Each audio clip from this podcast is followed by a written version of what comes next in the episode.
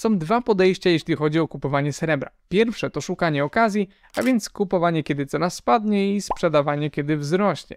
Drugie to długoterminowe trzymanie metalu i nie sprzedawanie go przez długie lata. Ja osobiście trzymam się niemalże wyłącznie strategii drugiej, ponieważ uważam, że mogę zarobić znacznie więcej, poświęcając swój czas na inne rzeczy niż polowanie na okazję. Widzę jednak dużą wartość w posiadaniu srebra, ponieważ w długim terminie działa ono antyinflacyjnie. Wynika to z tego, że ilość srebra dostępna dla ludzkości jest ograniczona.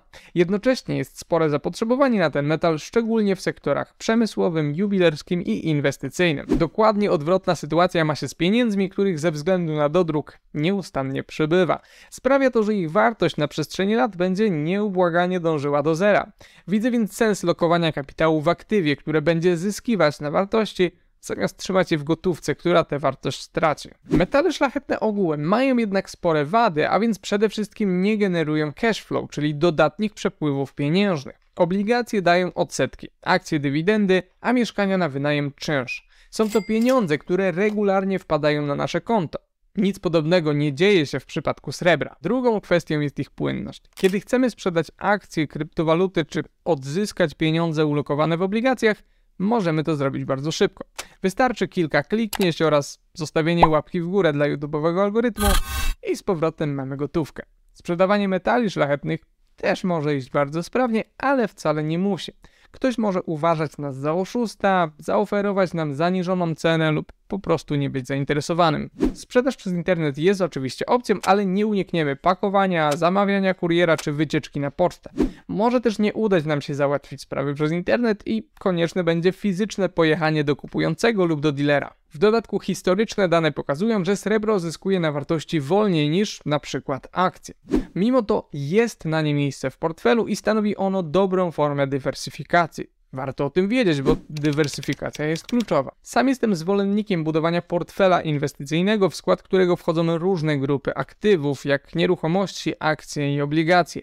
Inwestowanie wszystkich środków w metale szlachetne uważam za błąd i to większy niż nieposiadanie srebra w ogóle. Trzymanie części majątku w postaci srebra ma jednak moim zdaniem sens. Przypadku kryzysów i zawirowań na rynkach finansowych, posiadanie takiej fizycznej inwestycji działa bardzo uspokajająco i eliminuje ryzyko skończenia z zerem na koncie. Aby zapewnić sobie jeszcze większy spokój i aby inwestycja była jeszcze bezpieczniejsza, warto stosować uśrednianie ceny, a więc zamiast kupować raz za bardzo dużą kwotę, dokupywać w regularnych odstępach, na przykład raz na kwartał.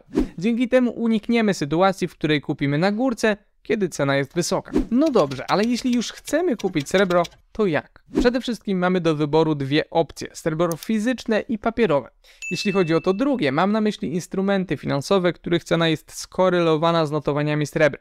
Mamy tutaj kilka opcji, z czego najpopularniejszą będą fundusze ETF. To papiery wartościowe, które w teorii powinny mieć kurs równy lub bardzo zbliżony kursowi srebra. Jeśli mamy do czynienia z replikacją fizyczną, to powinniśmy być w 100% zabezpieczeni faktycznym metalem przechowywanym w jakimś skarbcu na Manhattanie czy w Londynie. Oczywiście kupując taki ETF musimy liczyć się z pewnymi niewielkimi rocznymi kosztami, a także z prowizją maklerską. Nadal może to jednak okazać się tańsze niż kupowanie kruszców fizycznie. Osobiście nie jestem jednak fanem tego rozwiązania, bo w trudnych sytuacjach rynkowych, przed jakimi ma nas zabezpieczyć srebro, Różnie to bywa i cena papierowego srebra może się rozjechać z ceną srebra fizycznego. Myślę, że ma to sens jedynie dla inwestorów krótko i średnioterminowych, którzy chcą szybciej zarobić na zmianie kursu.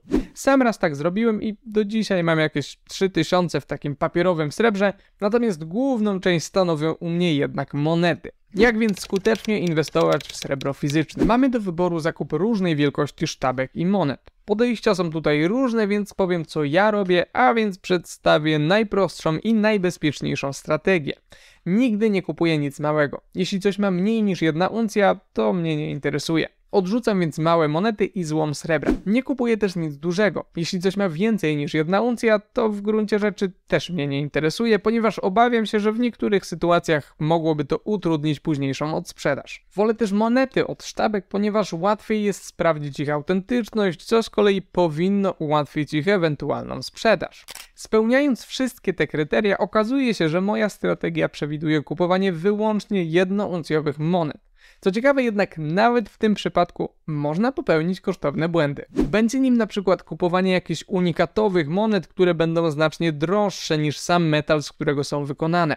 To jest zabawa dla osób, które się na tym znają i dla numizmatyków. Amatorscy inwestorzy moim zdaniem powinni jednak celować w najprostsze monety o największej renomie. Będą to na przykład Krugerrand, amerykański orzeł, kanadyjski liść klonowy, wiedeńscy filharmonicy czy australijski kangur. Monety najlepiej kupować od zaufanego dealera i w opisie zostawiam wam link do miejsca, z którego sam kupuję metale szlachetne. Wolę to zrobić w ten sposób niż mówić nazwę firmy, ponieważ nie wiadomo co się wydarzy za parę lat i czy na przykład nie podniosą cen, a link mogę zawsze podmienić na inny. Skąd byście nie kupowali srebra, warto pamiętać o przechowywaniu dowodu zakupu wraz z datą. Po pierwsze, może podnieść to naszą wiarygodność, szczególnie jeśli kupowaliśmy z bezpiecznego źródła. Po drugie, sprzedając srebro po upływie co najmniej pół roku, jesteśmy zwolnieni z podatku dochodowego i dobrze jest móc to udowodnić. Skoro jesteśmy w temacie podatków, należy pamiętać, że jeżeli wartość sprzedawanego kruszczu przekroczy kwotę 1000 zł, konieczne będzie zapłacenie PCC, czyli podatku od czynności cywilnoprawnych w wysokości 2% transakcji. Obowiązek zapłaty spoczywa na kupującym. Zanim dokonamy jakichkolwiek transakcji, warto jednak zastanowić się, Dlaczego srebro, a nie złoto? Pierwszy argument jest oczywisty. Srebro jest po prostu znacznie tańsze i jeżeli nie mamy jeszcze dużych zasobów finansowych, będzie naszą jedyną opcją, szczególnie, że kupowanie większej ilości monet będzie się bardziej opłacało, a cena może być nawet o kilka procent niższa niż kupując tylko jedno. Z tego powodu nie kupowałem nigdy pakietów mniejszych niż 25 srebrnych monet. Trzeba mieć jednak na to środki. Ma to znaczenie szczególnie jeśli chcemy uśredniać cenę, o czym wspominałem wcześniej. Jeśli warunki finansowe nie są dla nas ograniczeniem, decydując się, który metal szlachetny wybrać, warto przyjrzeć się stosunkowi ceny złota do srebra, czyli gold-silver ratio. Gdy srebro jest drogie względem złota, lepiej będzie kupować złoto i odwrotnie. Popularnym założeniem jest kupowanie srebra, kiedy gold-silver ratio wynosi powyżej 80, kiedy jest w przedziale 80-60 kupowanie trochę srebra, trochę złota oraz przejście całkowicie na złoto, jeśli stosunek ten spadnie poniżej 60. W przypadku, gdy gold-silver ratio jest niższe niż 50, rozsądnym może być nawet wymienienie swojego srebra na złoto.